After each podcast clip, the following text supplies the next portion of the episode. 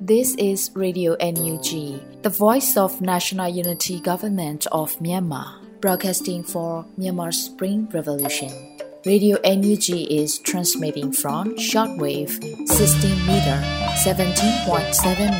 MHz at 8:30 a.m. and 25 meter 11.94 MHz at 8:30 p.m. Myanmar Standard Time. မင်္ဂလာပါရှင်။ မြို့သားညီညွတ်ရေးအစိုးရရဲ့အတန်လွန်ဌာနရေဒီယို NUG ကိုမနက်ပိုင်း၈နာရီခွဲမှာလိုင်းတူ16မီတာ19.89 MHz ၊ညပိုင်း၈နာရီခွဲမှာလိုင်းတူ25မီတာ17.6 MHz တို့မှာဓာတ်ရိုက်ဖမ်းယူနားဆင်နိုင်ပါတယ်ရှင်။မင်္ဂလာအပေါင်းနဲ့ပြည့်စုံကြပါစေ။အခုချိန်ကစပြီး Radio NUG အစီအစဉ်လေးကိုဓာတ်ရိုက်အတန်လွှင့်ပေးနေပါပြီရှင်။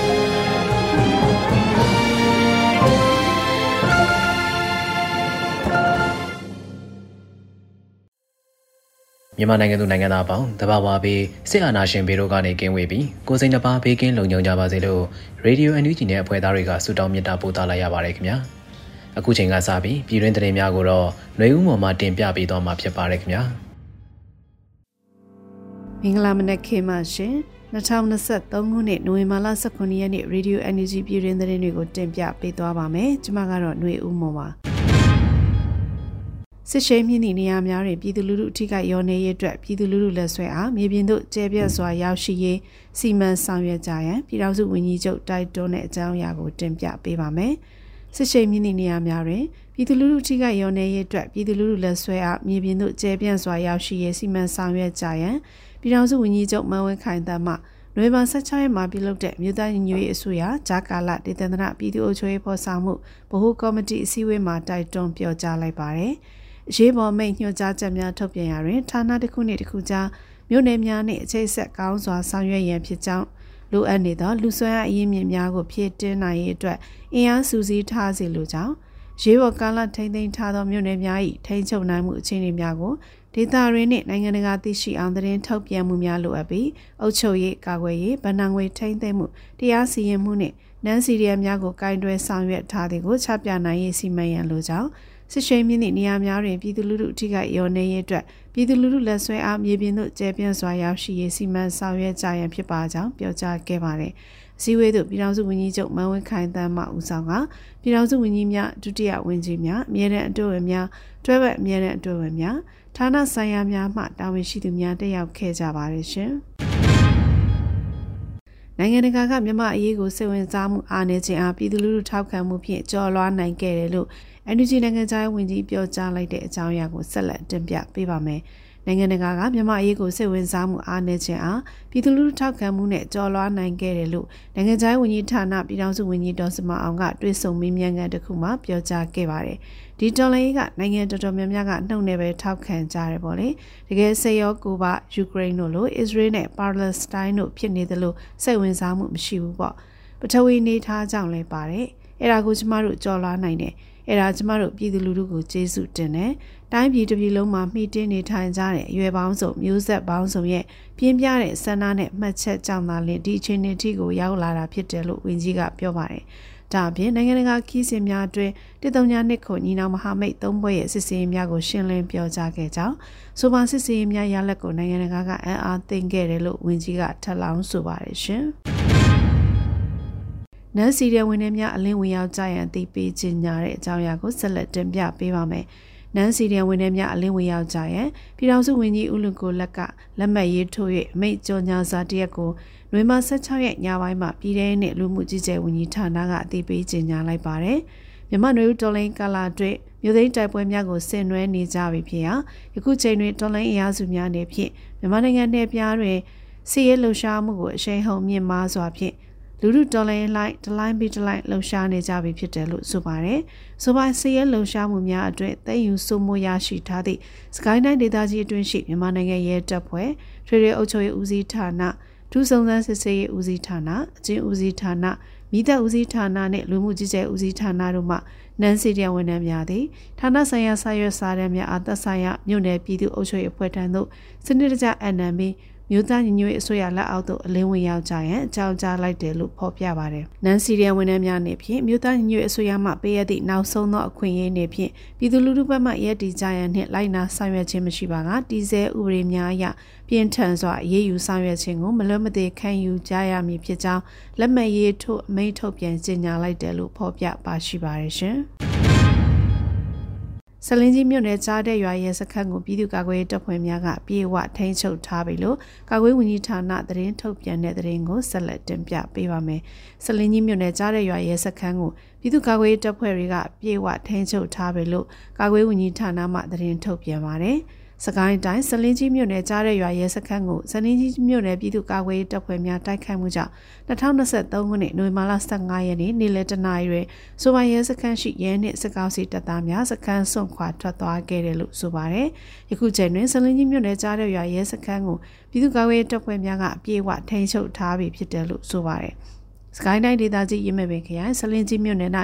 ကြားတဲ့ရဲစခန်းမှတက်ရဲပြူစောချင်းအင်အား90ခန်းအားဆလင်းကြီးမြို့နယ်ပြည်သူ့ကာကွယ်ရေးဖွဲ့များမှ3ရက်တိုင်ဝိုင်းဝန်းပိတ်ဆို့တိုက်ခိုက်မှုများပြုလုပ်ခဲ့ပါတယ်ရှင်။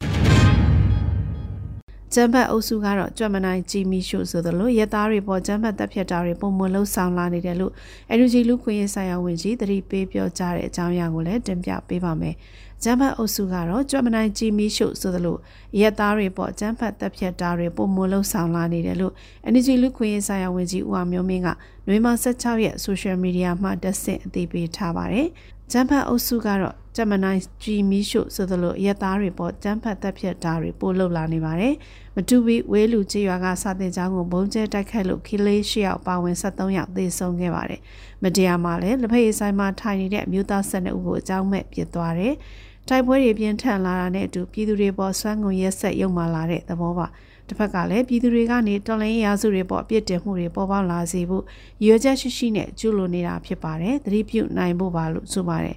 2023ခုနှစ်နိုဝင်ဘာလ12ရက်နေ့မှနိုဝင်ဘာလ14ရက်နေ့ထိစကိုင်းတိုင်းဒေသကြီးကတာခိုင်ဒီကြိုင်မြို့နယ်တခုချောင်းရွာကိုရဲရွာအလေတော်ရွာနှင့်အင်းနေရွာတို့ဂျမတ်ဆေးအုပ်စုမှဂျက်ဖိုက်တာများအုံမျိုးကဘုံကျဲတိုက်ခိုက်ခဲ့တာကြောင့်တန်တနည်းယောက်ကလေးငယ်2ဦး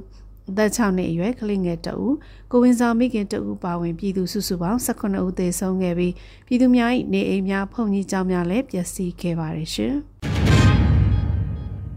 မြေအောင်လိုင်းရဲ့စစ်တပ်ဟာလက်နက်မဲ့လူလူကိုပဲအကြမ်းဖက်နိုင်ကျင့်နိုင်တော့တဲ့ကျမ်းဖတ်ပွဲကြီးတသက်ပဲဖြစ်တော့တယ်လို့ပညာရေးဒုဝန်ကြီးပြောဆိုလိုက်တဲ့အကြောင်းအရာကိုလည်းတင်ပြပေးပါမယ်။ မြောင်လိုင်းရဲ့စစ်တပ်ဟာလက်နက်မဲ့လူထုကိုပဲအကြမ်းဖက်နိုင်ကျင့်နိုင်တော့တဲ့အကြမ်းဖက်ဖွဲ့ကြီးသက်သက်ပဲဖြစ်တော့တယ်လို့ပညာရေးဒုဝန်ကြီးဒေါက်တာဆိုင်းခိုင်မျိုးထွန်းကပြောကြားပါတယ်။တချိန်ကပြည်သူ့ဗန္နာဝေစုကိုအများဆုံးရနိုင်မှုအတွက်တပ်သားအင်အား9သိန်းကျော်လို့လိန်လဲစရင်ပြပြီးလွယ်သုံးစားလုပ်ခဲ့ကြတယ်။ခုတော့စစ်အင်အားကဟိုနေရာအတွက်လည်းမလုံလောက်ဒီနေရာအတွက်လည်းမလုံလောက်နဲ့တပ်သားသစ်ဆိုသူတွေကလည်းတခိုးလူလိန်ရာဇဝတ်ကောင်စသဖြင့်ကိုအတင်းပုံပြောင်းစုဆောင်းနေကြရပြီ။ဒီလိုလူတွေနဲ့စုဖွဲ့ထားတဲ့လက်နက်ကိုင်တပ် ဘယ်မှာတိုက်ရိုက်ခိုက်ရရှိမှလဲလက်နက်မဲ့လူတို့ကိုပဲချမ်းဖက်နိုင်ကျင့်နိုင်တော့တဲ့အချမ်းဖက်ဖွဲ့ကြီးတသက်ပဲဖြစ်တော့တယ်။လိုက်ကောတက်ကတူထဲမှာတသားရာကျော်နဲ့တက်ဆွဲထားပေမဲ့တိုင်းသားနဲ့ပြည်သူတော်လှန်အင်အားစုတွေကိုလက်နက်ချအရှုံးပေးခဲ့ရတာမြင်မြင်မှာတက်ကတူမှာတက်ဆွဲထားတာကိုကြည်နူးပြီးခွင့်ပြုပေးခဲ့တဲ့ပညာတတ်ဆိုသူတွေလည်းအခုတော့လူပေါင်းမှားတဲ့အကျိုးကိုခံစားနေရလောက်ပြီလို့ဆိုပါတယ်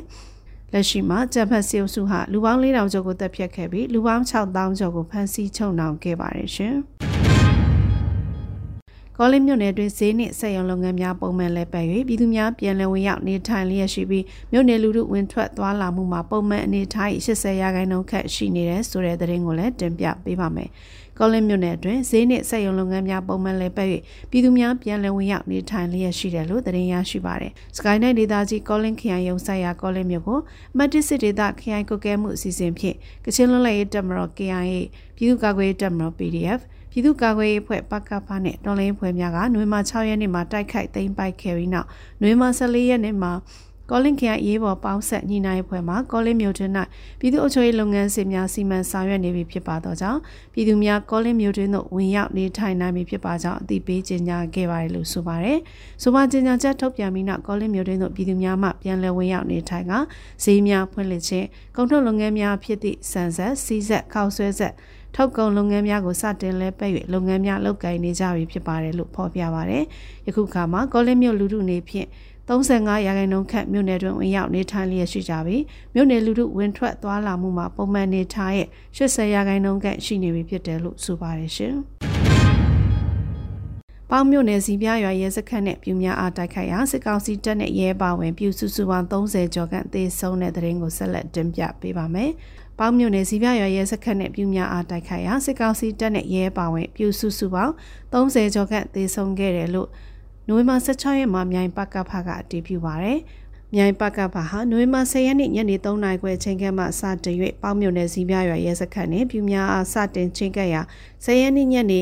9:50ခန်းတွင်ရန်သူဘက်မှ drone ဖြင့်ကင်းထောက်တလာသဖြင့် drone အားပစ်ချခဲ့ပြီး၎င်း drone အားလာရောက်ကောက်ယူသောစစ်ကောင်စီနှင့်ရဲပြူများကိုမိတို့ဘက်မှအသည့်နေရာယူပြီးပစ်ခတ်ရာစစ်ကောင်စီ2ဦးလဲကျသေဆုံးခဲ့တယ်လို့ဆိုပါတယ်။ တွင်မှ10ရက်နေ့မှ14ရက်နေ့ထိ9ရက်ဆက်တိုက်ဤနာကအလုံးတစ်ထောင်ခန့်ဖြင့်နေမနာညမနာတိုက်ခိုက်ခဲ့၍ရှေ့တန်းရဲဘော်များမှရန်သူနေရာစီသို့ချင်းကပ်ဝင်ရောက်ခဲ့တယ်လို့ဆိုပါတယ်။ တွင်မှ15ရက်နေ့နနက်9နာရီအချိန်တွင်ဇီးပြရဲစခန်းနှင့်ပြူရွာကိုဝင်ရောက်တိုက်ခိုက်ခဲ့ပြီးဇီးပြပြူရွာတွင်ရှိဘန်ကားများပူတာယုံရှိဘန်ကားများအလုံးသိမ်းဆဲနိုင်ခဲ့ပြီးပြူများစခန်းပြုနေသောအဆောက်အုံတွေကိုလည်းမိရှုဖျက်ဆီးခဲ့တယ်လို့ဆိုပါတယ်။တိုက်ခိုက်မှုကြောင့်ရန်သူဘက်မှစစ်ကောင်စီနဲ့ရဲပြူစုစုပေါင်း30ကျော်ခန့်သေဆုံးပြီးရှေ့ရမိုင်း9လုံးလက်ပစ်ရှစ်လုံးသိမ်းဆဲရရှိခဲ့ပြီးအများအပြားတန်ရာရရှိသွားခဲ့ပါတယ်။ တိုက်ပွဲဖြစ်နေချိန်တွင်ရန်သူဘက်မှ MI35 ဖြင့်လေကြောင်းပစ်ကူ3ချိန်လာရောက်၍ရော့ကတ်များဆက်လက်များဖြင့်ပစ်ခတ်ပြီးပေါက်ကပစ24မှ120မမလက်နက်ကြီးပစ်ကူအကြိမ်ရင်ရာကနန်းထိပစ်ခတ်ခြင်းကိုခံခဲ့ရတယ်လို့ဆိုပါတယ်။ကာကွယ်ရေးဘော်များမှပြည်ရွာအားတရွာလုံးနှိပါစီးနှင်းနိုင်ခဲ့တော့လဲရန်သူဝိုင်းဝန်းပိတ်ဆို့မှုကိုရုတ်တရက်ခံခဲ့ရတာကြောင့်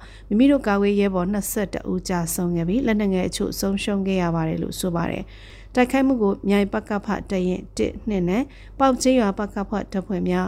YRF ပေါ Aqua Defense ဖို့တောင်ညွန်နဂါတပ်ဖွဲ့ Royal 7တပ်ဖွဲ့တို့ကတိုက်ခိုက်ခဲ့ခြင်းဖြစ်တယ်လို့သတင်းရရှိပါရရှင်။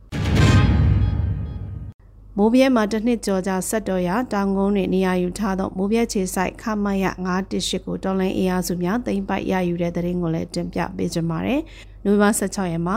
မိုးပြက်1717 MB 1111စစ်စင်ရေးကိုမြို့ပြတော်လိုင်းတပ်ဦး URF ကအသိပေးဆိုပါရယ်မိုးပြက်ဖေကုံဒေသများတွင်တော်လိုင်းအင်အားစုများဖြစ်ကြတဲ့လေပိုင်းတိုင်းစစ်ဒေသရှမ်းတောင်ပြူဟာတစ်တရင်များဖြစ်ကြသော13331တရင် MB1 13332တရင် PK1 13336တရင် PK2 13339တရင် MB2 13334 PKS PDF ရှမ်းနောင်ဗျူဟာနှင့်တရင်များဖြစ်ကြသော13333တရင်13335တရင်13338တရင်13339တရင်နှင့်13311တရင် KNDF ဗျူဟာ1တရင်များဖြစ်ကြသော KNDF BO3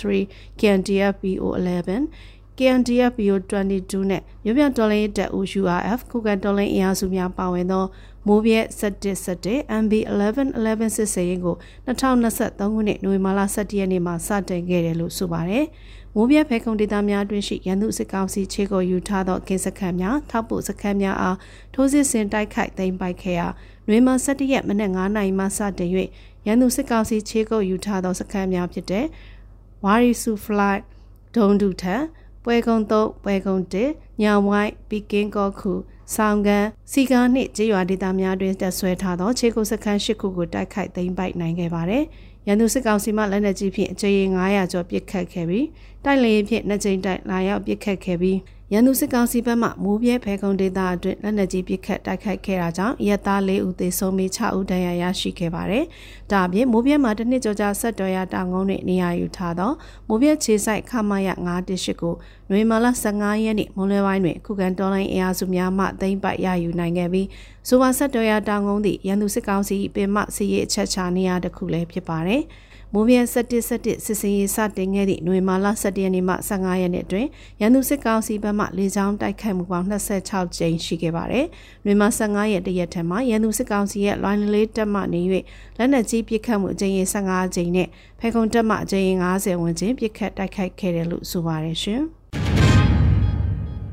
ရှေ့တောင်တိုင်းစစ်ဌာနချုပ်တွင်နှစ်ပတ်လည်ခမ်းနားကျင်းပစဉ် drone နှင့်တိုက်ခိုက်ခံရ၍စစ်ကောင်စီတပ်ကအစစ်မြစ်အရာရှိများထိခိုက်ဒဏ်ရာရက ဒုရကမှုတဦးနဲ့သက်သားတဦးတို့ပွဲချင်းပြီးသေဆုံးတဲ့တဲ့ရင်ကိုဆက်လက်တင်ပြပေးပါမယ်။ရှေ့တောင်တိုင်းစစ်ဌာနချုပ်အတွင်းနှစ်ပတ်လည်ခန်းနာကျင်းပစဉ်ဒရုန်းနဲ့တိုက်ခိုက်ခံရပြီးစစ်ကောင်စီတပ်ကအစစ်မြစ်ရရှိများထိခိုက်ဒဏ်ရာရကဒုရကမှုတဦးနဲ့တပ်သားတဦးတို့ပွဲချင်းပြီးသေဆုံးခဲ့တယ်လို့သတင်းရရှိပါရယ်။နှွေမှာ16ရက်နေ့ညနေ9နာရီခွဲဝန်းကျင်မှာတိုင်းစစ်ဌာနချုပ်နှစ်ပတ်လည်ခန်းနာကျင်းပနေစဉ်ရှာတူအနည်းပညာတပ်ဖွဲ့ Alpha Bus တပ်ခွဲနဲ့ နေကယ် EAO တပ်ဖွဲ့တို့ပူးပေါင်းပြီး Suicide Drone နှစ်စင်းအသုံးပြုတိုက်ခိုက်ခဲ့တာလို့တော်လိုင်းသတင်းရင်းမြစ်ချို့ထံကသိရပါဗျ။ညနေစာလေးတွေစားမိန်ချက်ပဲမက်လာတုန်းကတခါအောက်တိုဘာလတုန်းကတခါခုတခါလို့ KNDO တရင်ချ drone တပ်ဖွဲ့က social media မှာဆိုထားပါတယ်ဖြစ်စဉ်နဲ့ပတ်သက်လို့ Alphabet drone တပ်ဖွဲ့ကိုဆက်သွယ်မိမြရခလိုက်ရ19ဒုဗိုလ်မှူးကြီးကျော်မင်းထွန်းဒဏ်ရာရမစိုးရင်ရခမရ341 တပ်သားဟိန်လွင်ဆိုဧကန်ရိပ်သေးဆုံးစအားရခွဲနှစ်618ဒုရကမှုဝင်းထိန်သေးဆုံးခမရ99ခွန်ဒုဗိုလ်မှူးကြီးခန့်နောက်ဒဏ်ရာပြင်းဆိုရင်ရနဘဟနှင့်ဗိုလ်မှူးကြီးဇော်လင်းထွန်းပြင်းထန်ဒဏ်ရာရဆိုရင်ရ ခမရ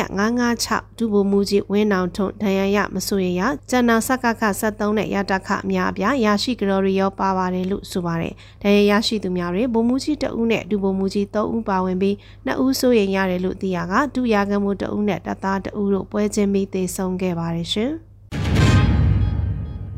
အလင်းဝင်လာသည့်စစ်ကောင်စီတပ်ဖွဲ့ဝင်များကို CNA မှစုငွေများအသီးသီးချင်းမြင့်ပေးအပ်တဲ့သတင်းကိုလည်းတင်ပြပေးပါမယ်။အလင်းဝင်လာတဲ့စစ်ကောင်စီတပ်ဖွဲ့ဝင်တွေကို CNA မှစုငွေများအသီးသီးချင်းမြင့်ပေးအပ်ခဲ့တယ်လို့နှွေမ16ရက်မှာစုငွေများပေးအပ်ပုံကို Chinland Information Center ကဖော်ပြချက်အရသိရှိရပါတယ်။ CNA ဦးဆောင်တဲ့ချင်းပူပေါင်းတပ်စုများဖြစ်ကြသော CNF ဟောင်ကို PDA CDF Senatran CDF တန်တလန်တို့မှနိုဝင်ဘာ23ရက်နဲ့14ရက်နေ့များမှာဖလန်းမြို့နယ်အတွင်းရှိရီခေါ်ရာမြို့အနီးဂျမတ်စစ်ကောင်စီရဲ့စစ်စခန်းတစ်ခုဖြစ်သောဒီယိုစခန်းနဲ့ရီစခန်းတို့ကိုသိမ်းပိုက်ခဲ့ပါတယ်။အဲ့နောက်အိန္ဒိယနဲ့ဗမာပြည်စီးပွားရေးချက်ချာကြသည့်ကုံသွေးမြို့တစ်မြို့ဖြစ်သော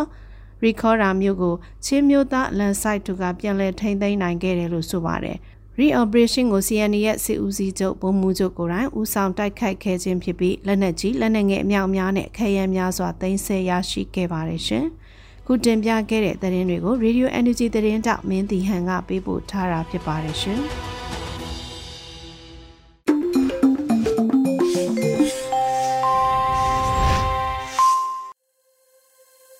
ပြည်တွင်းသတင်းများကိုနားတော်တာဆင်ခဲ့ကြရတာဖြစ်ပါတယ်။ဆက်လက်ထုတ်လွှင့်ပေးမှာကတော့တော်လိုင်းရေးကြပြအစီအစဉ်ပဲဖြစ်ပါတယ်။ကျော်မင်းထွန်းနယူးယောက်ရေးသားပြီးຫນွေဦးမိုးခန်းစားရွတ်ဖတ်တဲ့ပောက်ကွဲအားတော့ချက်အမြင်ရတဲ့တော်လိုင်းရေးကြပြကိုနားတော်တာဆင်ပေးကြပါအောင်ခင်ဗျာ။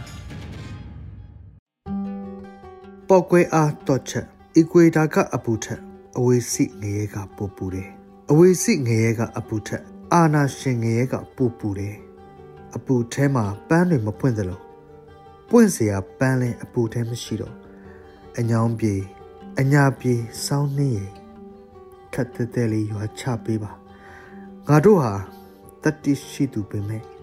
မိုင်ယူရဲစံသူတွေမဟုတ်ငါတို့ဟာမျက်နှာအိုမဲတုတ်ပြီးခွတ်ဆောင်ခုတ်ရမယ်သူတွေမဟုတ်ငါတို့ဟာအတုပအိမ်ပေါက်မှာပျောက်သွားတဲ့ဖက်နှံလဲမဟုတ်ပန်းတွေဟာဆိုင်ပေါ်မှာတင်ရောင်းခံရဖို့ ဖူးပွင့်လာတာမှမဟုတ်တာအာနာရှင်အောက်ဒူးမထောက်ဖို့ဘလောက်ပဲညံ့နေညံ့နေအာယုံတက်ဖို့ရှိသေးရင်ညံ့နေတယ်လို့မဆိုနိုင်ဘူး1940ခုပင်လုံသမိုင်းကိုစစ်သင်းတိုင်းမှာဝတ်ထားလို့မရ2021ຫນွေဦးတော်လန်ရေးကို အခွန်နှွာပြီးလှီးကျွေးလို့မရအမိုက်ပုံထဲပေါက်လာတဲ့ဂျာနီပန်းလို့ကြပြာကလေးချပြတဲ့ချာတာလောက်တဲ့မရ Federal Constitution သာရေးပြရင်ဟီရိုရှီမာပေါ်ကျဲချတဲ့အမှုပြုပုံးထက်ပောက်ကွဲအားပြင်းပြင်းတပြင်းပြင်းနေချင်းညချင်းအာနာရှင်အသေးထွက်မယ်ဂျော်မန်ထွန်းနယူးယောက်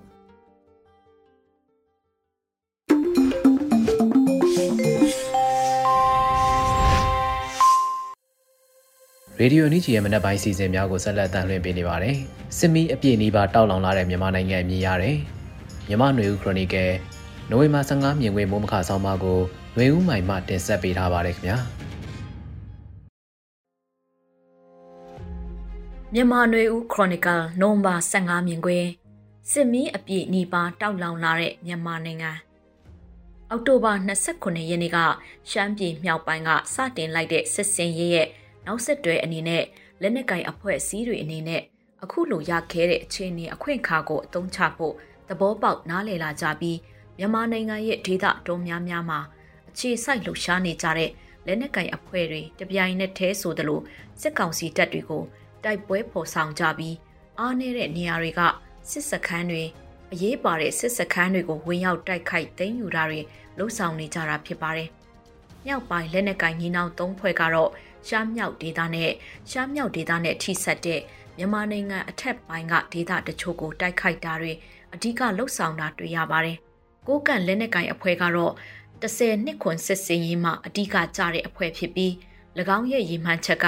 ကိုကန့်ဒေသပြန်လည်သိမ်းယူစိုးမိုးနိုင်ရေးဖြစ်ပါတယ်။ဒီလိုပြန်လည်သိမ်းယူနိုင်ရေးမှာနိုင်ငံရေးအရာရည်ရွယ်ချက်တွေရှိမဲ့အပြင်အကျိုးစီးပွားတွေလည်းဆက်နွယ်နေလိမ့်မယ်လို့မှန်းဆရပါတယ်။ကိုကန့်လက်နက်ကင်အဖွဲ့နဲ့မဟာမိတ်ဖြစ်တဲ့ GNLA နဲ့ AA အဖွဲ့တို့အနေနဲ့လည်းမဟာမိတ်အဖွဲ့ဖြစ်တဲ့ ကိုကန့် MNDA ကိုကူညီတိုက်ခိုက်တာနဲ့တပြိုင်နက်တည်း၎င်းတို့အဖွဲ့အစည်းအသီးသီးရဲ့စစ်ရေးရည်မှန်းချက်စီယုံရေးရည်မှန်းချက်တွေကိုလည်းဖော်ဆောင်နိုင်တဲ့သဘောလို့ယူဆရပါတယ်။ဒီ30နှစ်ခွန်စစ်စင်ရေးနဲ့တနေ့တည်းမှာကိုကရိတ်မြို့ကို KNLA နဲ့ပူးပေါင်းအဖွဲ့တွေဝင်တိုက်တာနောက်ရက်အနည်းငယ်ကြာမှာကရင်ပြည်နယ်ကြာအင်းစိတ်ကြီးမြို့ကို KNLA နဲ့ပူးပေါင်းအဖွဲ့ကပဲတိုက်ခိုက်ခဲ့တာတွေဖြစ်ပွားခဲ့ပါတယ်။ KNU KNLA အနေနဲ့တော့မြောက်ပိုင်းညီနောင်သုံးဖွဲ့ရဲ့စစ်စင်ရေးလိုနေမြေအများပြားမှာတိုက်ခိုက်တာတွေစခန်းသိမ်းယူဖို့စ조사တာတွေချက်ချင်းမလုပ်နိုင်တဲ့အကြောင်းလဲသတင်းမီဒီယာအင်တာဗျူးတစ်ခုမှပရိုစောတော်နီကဖြေကြားထားတာကိုတွေ့ရှိရပါတယ်။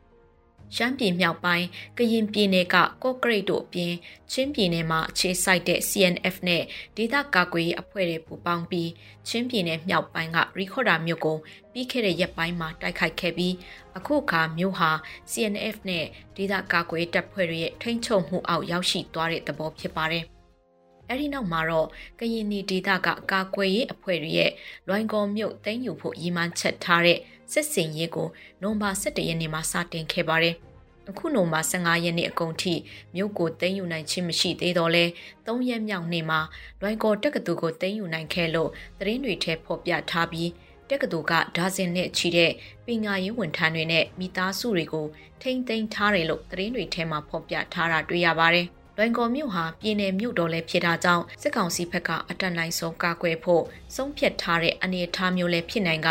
ရခင်နှစ်ကလိုမြို့နယ်လူထုကိုထွက်သွားဖို့ဖွင့်ပေးတာမျိုးမတွေ့ရပါဘူး။တောင်းကနာလောက်ရှိမယ်လို့ခံမှန်းရတဲ့မြို့နယ်လူထုအနေနဲ့တိုက်ပွဲဖြစ်ပွားလာချိန်မှာမြို့ကနေထွက်ပြေးတိမ်းရှောင်ဖို့အခွင့်မသာတော့တဲ့အနေအထားမျိုးကြားရောက်နေတာလည်းဖြစ်ပါတယ်။ကရင်နီဒေသအပြင်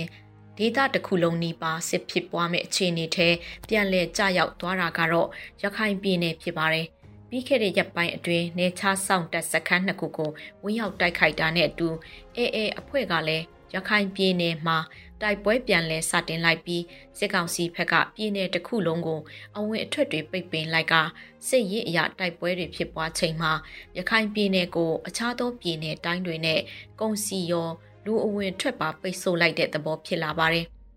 လေကြောင်းကသွာလာတဲ့နီလန်းကလွဲရင်ကုန်းလန်းရေလန်းကလူအဝင်ထွက်ကိုပိတ်ပင်လိုက်တဲ့သဘောဖြစ်ပြီးရိတ်ခါစေဝါအခြားသောလူသုံးကုန်ပစ္စည်းတွေဈေးနှုန်းမြင့်တက်တာတွေပြက်လက်တာတွေနဲ့အတူရခိုင်ပြည်နယ်အတွင်းစီးပွားရေးအရာလဲပတ်မှုရပ်ဆိုင်းသွားအောင်လှုံ့ဆော်ကပြည်တန်ခတ်တဲ့နီလန်းကိုစက်ကောင်စီဘက်ကသုံးလာတာတွေ့ရမှာဖြစ်ပါတယ်။ ရှမ်းပြည်နယ်မြောက်ပိုင်းကောလင်းထီချိုင်ချင်းပြည်နယ်မြောက်ပိုင်းရီခေါ်ဒါစကိုင်းတိုင်းအနောက်မြောက်ဒေသကခမ်ပတ်ကရင်ပြည်နယ်ကော့ကရိတ်ကြာအင်းစိတ်ကြီးမွန်ပြည်နယ်မှာကြိုက်မယောရခိုင်ပြည်နယ်ရတိတောင်ကြောက်တော်မင်းပြားကရင်နီဒေသစတဲ့ပထဝီဝင်အနေထားကိုကြည်လိုက်ရင်မြန်မာနိုင်ငံကတငွေငွေပြည်တွင်းစစ်ကမီးတောင်မီးရှန်တောက်လောင်လာတဲ့သဘောလို့ဆိုနိုင်ပါလိမ့်မယ်။ စစ်ကောင်စီစန့်ကျင်ရေးနိုင်ငံရေးအင်အားစုတွေကတော့စစ်အာဏာရှင်စနစ်ကိုစစ်မီးနဲ့ငြိမ်းအောင်လုပ်မယ်လို့ယူဆ logic ကိုင်းဆွဲထားကြတဲ့သဘောဖြစ်ပါတယ်စစ်မီးနဲ့စစ်အာဏာရှင်စနစ်ကိုငြိမ်းတယ်လို့စစ်ဝါဒကိုပါကြီးထွားမလာအောင်တတိပြုတ်ဖို့လဲလိုအပ်ပါတယ်။ လက်နက်သီးသားအဆုံးဖြတ်ဆိုတဲ့စကားလုံးတနည်းအားဖြင့်မော်စီတုံးစကားနဲ့အာနာဟာတနက်ပြောင်ဝါကထွက်တဲ့ဆိုတဲ့အယူဆကအရှိတရားကိုပြောတာသာဖြစ်ပြီးဖြစ်စေခြင်းနဲ့စံနှုံးတန်ဖို့အခြေအနေတော့မဟုတ်ဘူးဆိုတာသဘောပေါက်ဖို့လည်းအရေးကြီးတာဖြစ်ပါတယ်စစ်မီတောက်လောင်မှုရဲ့အကျိုးရလက်ကတည်ငြိမ်ရေး ငိမ့်ချရေးဖြစ်ဖို့ရည်ရွယ်ကြတယ်လို့ဆိုရင်တည်ငြိမ်ရေးငိမ့်ချရေးဟာနိုင်ငံရေးအယူဆနိုင်ငံရေးအရာတိဆောက်ကြတဲ့လက်တွေ့အလေးအကျင့်တွေကိုယုံကြည်ကျင့်သုံးကြဖို့လိုအပ်မှာဖြစ်ပါတယ်။လက်နက်ကိုအမြဲတမ်းအားကိုးနေရင်စစ်ဝါဒအင်အားနဲ့အမြင့်အနိုင်ယူဖို့စ조사နေတဲ့တန်တရားတွေပြန်လည်ကြရောက်နိုင်ခြေလည်းရှိတာဖြစ်ပါတယ်ရှင်။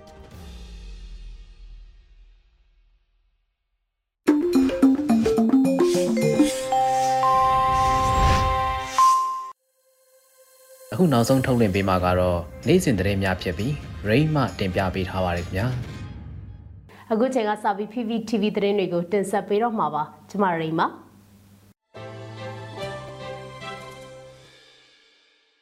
ပထမဆုံးတင်ဆက်မှာကဂျာခလာတည်တန္တရပြည်သူ့အုပ်ချုပ်ရေးဖွဲ့ဆောင်မှုဗဟိုကော်မတီနဲ့မြို့နယ်ပြည်သူ့အုပ်ချုပ်ရေးအဖွဲ့များတွေ့ဆုံဆွေးနွေးတဲ့တဲ့မှာ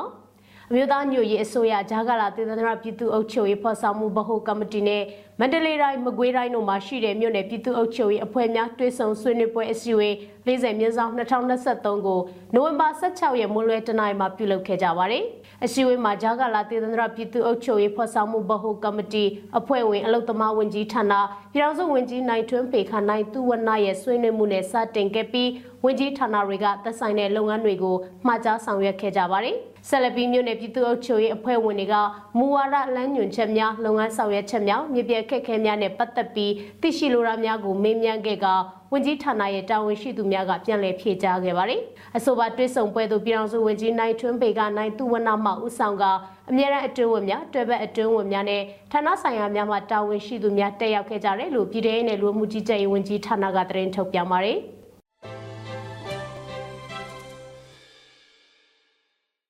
အခုတင်ဆက်မှာကရခိုင်ပြည်နယ်ပေါတောမြို့မှာအကြမ်းဖက်ရဲစခန်းတစ်ခုလုံးအေးအေးထံကိုလက်နက်ချအညံ့ခံလိုက်တဲ့တဲ့မှာရခိုင်ပြည်နယ်အကြမ်းဖက်စစ်တပ်လက်အောက်ခံပေါတောမြို့မှာရဲစခန်းတစ်ခုလုံးကတပ်ဖွဲ့ဝင်တွေဟာရခိုင်တပ်တော်အေးအေးထံကိုနိုဝင်ဘာ15ရက်ကလက်နက်ချအညံ့ခံခဲ့တယ်လို့စေရေးသတင်းရင်းမြစ်တွေကနေသိရပါဗျ။အဆိုပါအကြမ်းဖက်ရဲစခန်းကိုလက်နက်ချက်အညံ့ခံဖို့နှစ်ရက်တာညှိနှိုင်းခဲ့ရတယ်ဆိုတာနဲ့ နိုဝင်ဘာ15ရက်ည10:00နာရီဝန်းကျင်မှာအဲ့ဒီရဲစခန်းကနေတနက်တန်10ချက်ခန့်ထွက်ပေါ်ခဲ့ပြီးနောက်မှာစကန်တစ်ခုလုံးလက်နက်ချက်အညံ့ခံလိုက်တာဖြစ်တယ်လို့ဆိုပါရယ်လက်ရှိမှာအကြမ်းဖက်စစ်တပ်လက်အောက်ခံပေါတောမြို့မှာရဲစခန်းကိုရခိုင်တပ်တော် A ကသိမ်းပိုက်ထားသလိုမြို့နယ်ထွေအုပ်ရုံးနဲ့လာဝကရုံးတွေမှာလည်းအလံဖြူတွေထောင်ထားတယ်လို့ဒေသခံတွေကပြောပါရယ်ဒါအပြင်နိုဝင်ဘာ15ရက်ကလည်းရခိုင်ပြည်နယ်ရန်ပြဲမြို့နယ်ကြောက်နီမော်နယ်မြေရဲစခန်းကတူရဲအုပ်တဦးလက်နက်နဲ့အတူအလင်းဝင်ခဲ့ပါသေးတယ်။ အကြမ်းဖက်စစ်ကောင်စီလက်အောက်ခံကြောက်နီမော်နယ်မြေရဲစခန်းမြောက်ဦးကတိန်ညိုရဲစခန်းနဲ့မင်းပြရမောင်ရဲတပ်ဖွဲ့ဝင်တွေအပါအဝင်နေချားစောက်တိုက်ရဲစခန်းကတပ်သားတွေကစကမ်းပေါင်း40နီးပါးကိုစွန့်ခွာထွက်ပြေးသွားကြတယ်လို့ရခိုင်တပ်တော် AA ကအသိပေးထုတ်ပြန်ထားပါတယ်။ရခိုင်တပ်တော် AA အနေနဲ့လည်းလက်နက်ချအညံခံဖို့အသိပေးထားပေမဲ့လည်းလက်နက်ချအညံမခံတဲ့စစ်အုပ်စုတွေကိုဆက်လက်တိုက်ခိုက်ချေမှုန်းသွားမှာဖြစ်တယ်လို့ဆိုပါတယ်။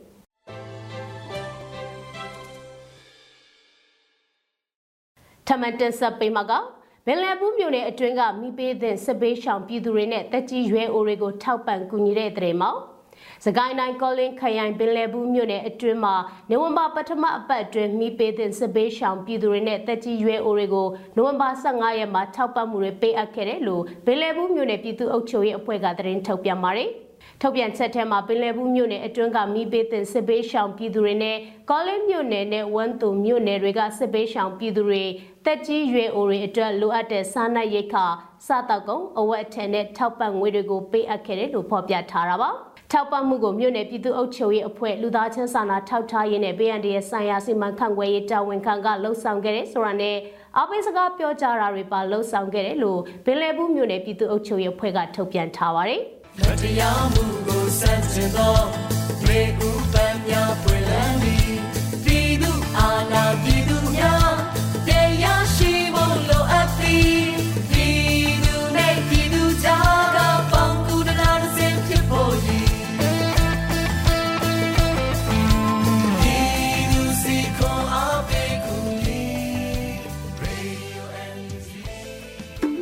ဒီကနေ့ကတော့ဒီညနဲ့ပဲ Radio NUG ရဲ့အစီအစဉ်လေးကိုခਿੱတရနာလိုက်ပါမယ်ရှင်။မြန်မာစံတော်ချိန်မနက်၈နာရီခွဲနဲ့ည၈နာရီခွဲအချိန်တွေမှာပြန်လည်ဆုံတွေ့ကြပါစို့။ Radio NUG ကိုမနက်ပိုင်း၈နာရီခွဲမှာလိုင်းတူ16မီတာ19.8 MHz